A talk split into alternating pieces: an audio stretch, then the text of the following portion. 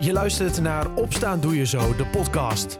De Zo34-podcast die je elke dag bijpraat over de actualiteit in Zuiders-Drenthe. In een klein kwartier ben jij weer helemaal op de hoogte. Aflevering 337 van Opstaan Doe Je Zo, de podcast op dinsdag 31 januari 2023. In het Zuidoost-Drentse nieuws lees je vandaag over een celstraf die is geëist tegen een 79-jarige Duitser voor het aanranden van een asielzoeker in maart 2019. Nou, meer daarover en ook ander nieuws hoor je verderop in de podcast. Het weer, het waait flink vandaag en ook is het bewolkt met kans op buien. Het wordt 8 graden. Straks in de podcast babynieuws uit de Emmer Dierentuin. Hoewel het dit keer geen kleine baby is. Maar eerst vervelend nieuws voor de laatste bewoners van de Nicolai Flats in de wijk Emmermeer in Emmen. Twee van die vijf flats worden gesloopt. Maar doordat heel veel bewoners al verhuisd zijn, wordt er nu veel ingebroken. Woningbouwcoöperatie De Vier grijpt in. En daar praat ik over met Gijs Bosman van De Vier. Gijs, om even de situatie te schetsen. Het gaat om de oudste flats in Emmermeer en deze worden dus gesloopt nu. Dat klopt, ja. Er staan een aantal van die, die flats in Emmermeer en uh, twee daarvan die worden gesloopt. Dat hebben we afgelopen jaar, uh, mei, hebben we dat ook aan de huurders die daar wonen laten weten. Mm -hmm. En uh, nou, het grootste deel daarvan heeft inmiddels al een andere woning gevonden. Een paar nog niet en uh, die gaan we inderdaad deze week even helpen om daar wat sneller weg te komen. Ja, is het normaal gesproken ook zo, want dit zijn natuurlijk huurders van jullie, dat eigenlijk het proces zo is dat ze sowieso geholpen worden om te verhuizen of een nieuwe woning te vinden? Of zijn mensen, moeten dat zelf doen? Nou, in principe moeten ze het zelf doen, maar ze krijgen daar van ons wel hulp bij. Uh, je moet je voorstellen dat op het moment dat wij aankondigen dat uh, een woning gesloopt gaat worden. Mm -hmm. Nou zagen de mensen die in deze flats wonen dat ook al wel aankomen. Dus het was niet echt een verrassing toen we ze dat vertelden vorig jaar. Maar op het moment dat we dat aankondigen, dan hebben ze in principe anderhalf jaar de tijd om een andere woning te zoeken. Mm -hmm. uh, ze krijgen dan ook urgentie, dus dat betekent dat ze eigenlijk al vanaf de dag daarna kunnen reageren en nou ja, bovenaan op de lijst staan voor een andere huurwoning. Uh, en we hebben dus ook gezien dat, dat verreweg de meeste bewoners van deze twee flats dan een andere woning hebben. Ja, uh, er zijn er dus nog een aantal over. Gaat het om een handjevol? Gaat het om, nou ja, om hoeveel mensen gaat het ongeveer? Ja, dat, dat gaat inderdaad om een handje vol. En we zijn op dit moment ook echt bezig met, uh, ja, met een paar laatste uh, bewoners om die uh, nou ja, aan een andere woning te helpen. Ja, nu, gaat er, nu komt er toch een beetje druk bij kijken. Omdat ja, het grootste deel van het pand staat dus leeg. En dat is ja, helaas, zou je toch kunnen zeggen, dan een soort doelwit geworden van, van inbraken. Um, hoe moet ik dat zien? Want ja, je zou zeggen, het staat leeg, dus er valt niet zoveel te halen.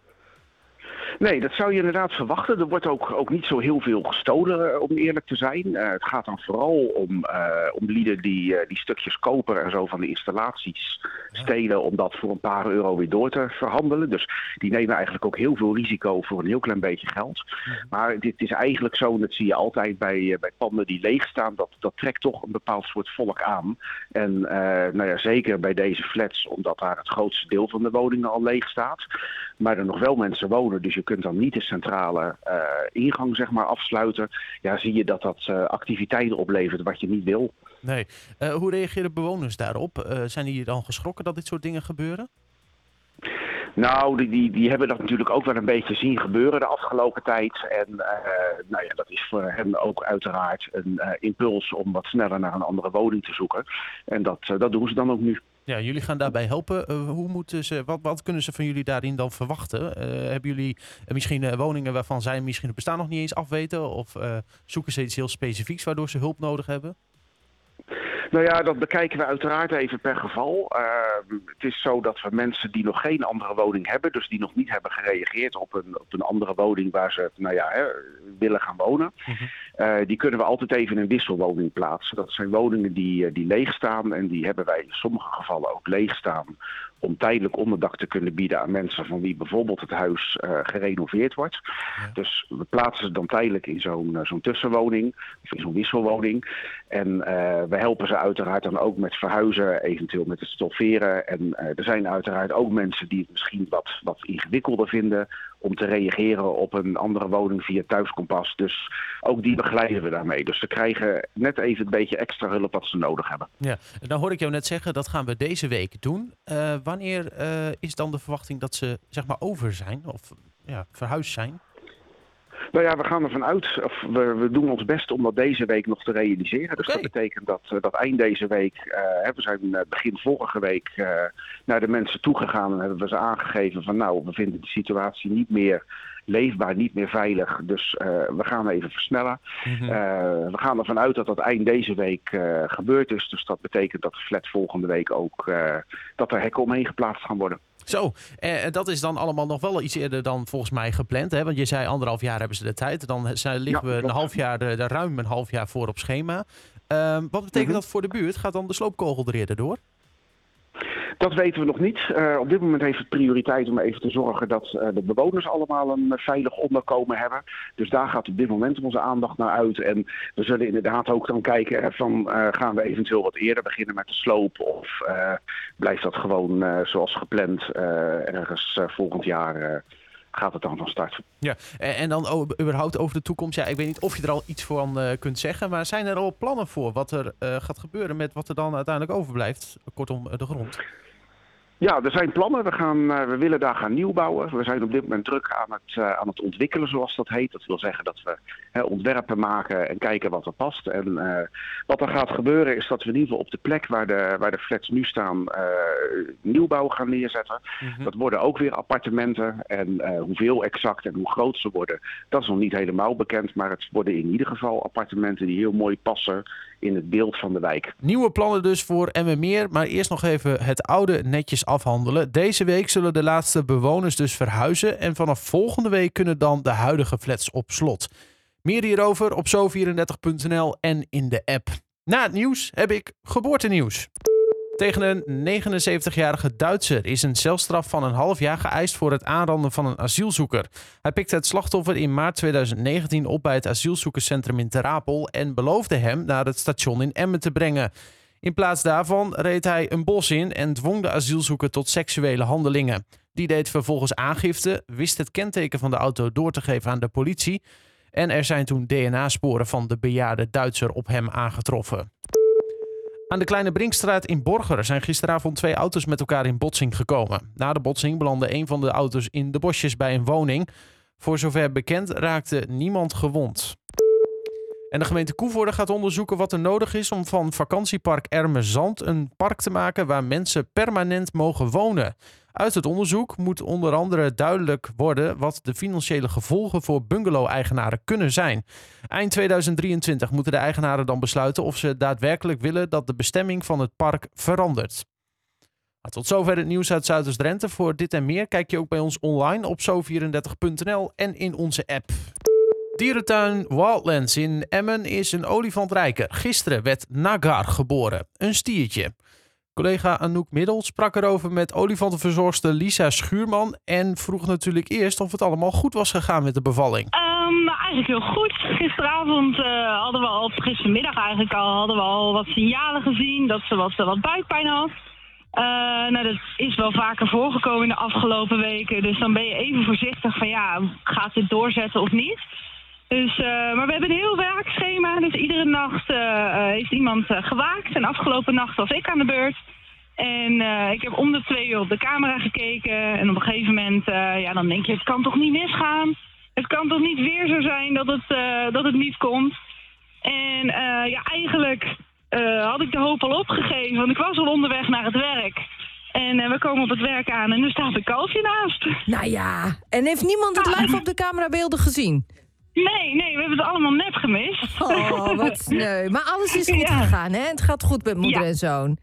Ja, het gaat hartstikke goed. Eh, er is een van de andere dames is bij haar aangesloten. Eh, ze lopen echt twee, eh, zij aan zij over het terrein heen met de kleine man in het midden. Ja, mooi. Ik heb wel begrepen dat het een bijzondere bevalling was, want dat ze liggend is bevallen, Swiesin, hè, de moeder. Waarom Ja, is dat ja, zo het- bijzonder? Een olifant die blijft eigenlijk altijd staan tijdens de bevalling. Eh, zij heeft dat in principe eerst ook gedaan. Alleen net met de laatste wee, dan zie je eigenlijk het kalfje al een beetje onder de staart zitten. Want eh, het geboortekanaal zit heel hoog, dus ze moet een soort heuvel over. Ehm, en eh, ja, toen is, ze is ze gaan liggen. En de laatste wee is hij er zo pjoep, al liggend uitgekomen. Maar dat gebeurt niet zo vaak dus. Nee, nee, dat, uh, dat hoor je eigenlijk niet zo vaak. Dus we waren allemaal een beetje verbaasd hoe ze dat uh, voor elkaar heeft gekregen. Het maakt allemaal niet uit, hè? Als het er maar nee, goed en gezond uitkomt. Het was nog ja. even, uh, om in dezelfde termen te blijven, een, een, bevalling voordat ze zwanger werd, hè? Want dat lukte niet in eerste ja. instantie. Nee, nee, er is echt heel veel werk aan vooraf gegaan. We zijn onderdeel van het fokprogramma voor de Aziatische olifant. Uh, het is een bedrijf diersoort, dus ook wij dragen daaraan bij. En uh, Suizin was op een leeftijd gekomen dat het toch wel een keer tijd werd om uh, een eerste kalfje te krijgen. En onze vorige man, onze vorige bul, ja, dat klikte niet. Die vond haar niet leuk genoeg en die wilde haar niet dekken. Dus we hebben uiteindelijk een bullenwissel gedaan. Er is een andere bul hier naartoe gekomen. En uh, die vond haar wel gelijk leuk. En zo hebben wij, uh, ja, uh, hij Timber, hebben we Timber dates gedaan. Om, om haar uiteindelijk drachtig te krijgen. En bij de tweede ijsprong is dat gelukt. Ach, wat grappig. En, en die ja. Timber heeft al voor veel nakomelingen gezorgd. Ja, Timber heeft in, in andere parken heeft hij al wat nakomelingen gekregen, inderdaad. Maar bij ons is het de eerste. Ja, en het is ook in haar eerste. Hoe groot is de kudde nu in Emmen? Uh, we hebben nu twaalf olifanten, dus dat is een, uh, een heleboel. Ja, en nu de nieuwste dus, Nagar, weer een bijzondere Nagar. naam, hè? Wat betekent dat? Uh, het betekent kleine draak. En waarom heb je daarvoor gekozen? Um, nou, zijn moeder heeft best wel een sterk karakter, dus al een beetje een boefje. En ja, we zijn zo met het team een beetje gaan kijken van, nou, wat zijn nou mooie namen? En uh, ja, draak vonden we eigenlijk wel bij de moeder passen. En het klinkt ook nog eens stoer, een Nagar. Nagar klinkt hartstikke stoer. Maar waarom moeten ja. er altijd van die bijzondere namen gekozen worden? Moeder Suizin en, en nou Nagar, waarom niet gewoon een Henk of een Klaas? Ja, nou, uh, het zijn natuurlijk uh, Aziatische olifanten. Dus uh, ja, er wordt vaak voor Aziatische namen gekozen om toch een beetje in, ja, in het thema te blijven. En ja, het past ook wel bij de dieren. Nagar is de nieuwste aanwinst voor Wildlands. Wanneer is ja. die voor het publiek te bewonderen? Uh, dat is hij al. Hij, uh, hij staat op het binnenterrein, op een van de binnenterreinen. En uh, daar is hij gewoon te zien overdag. Leuk. is er nog meer aanstaand babynieuws vanuit Emmen te verwachten? Wat ik weet, in ieder geval bij de olifanten niet. en mocht het toch wel ander nieuws zijn, dan hoor je dat zeker bij ons. Bijvoorbeeld in onze speciale podcast over de dierentuin, van aap tot zebra. Deze is te beluisteren in je favoriete podcast-app en op zo34.nl/slash podcast. Wil je nou meer weten over de pasgeboren Nagar en foto's bekijken? Kijk dan even op onze social media kanalen op zo34.nl of in onze app. Tot zover de podcast van dinsdag 31 januari. Morgen weer een nieuwe aflevering. Graag tot dan en voor nu een fijne dag.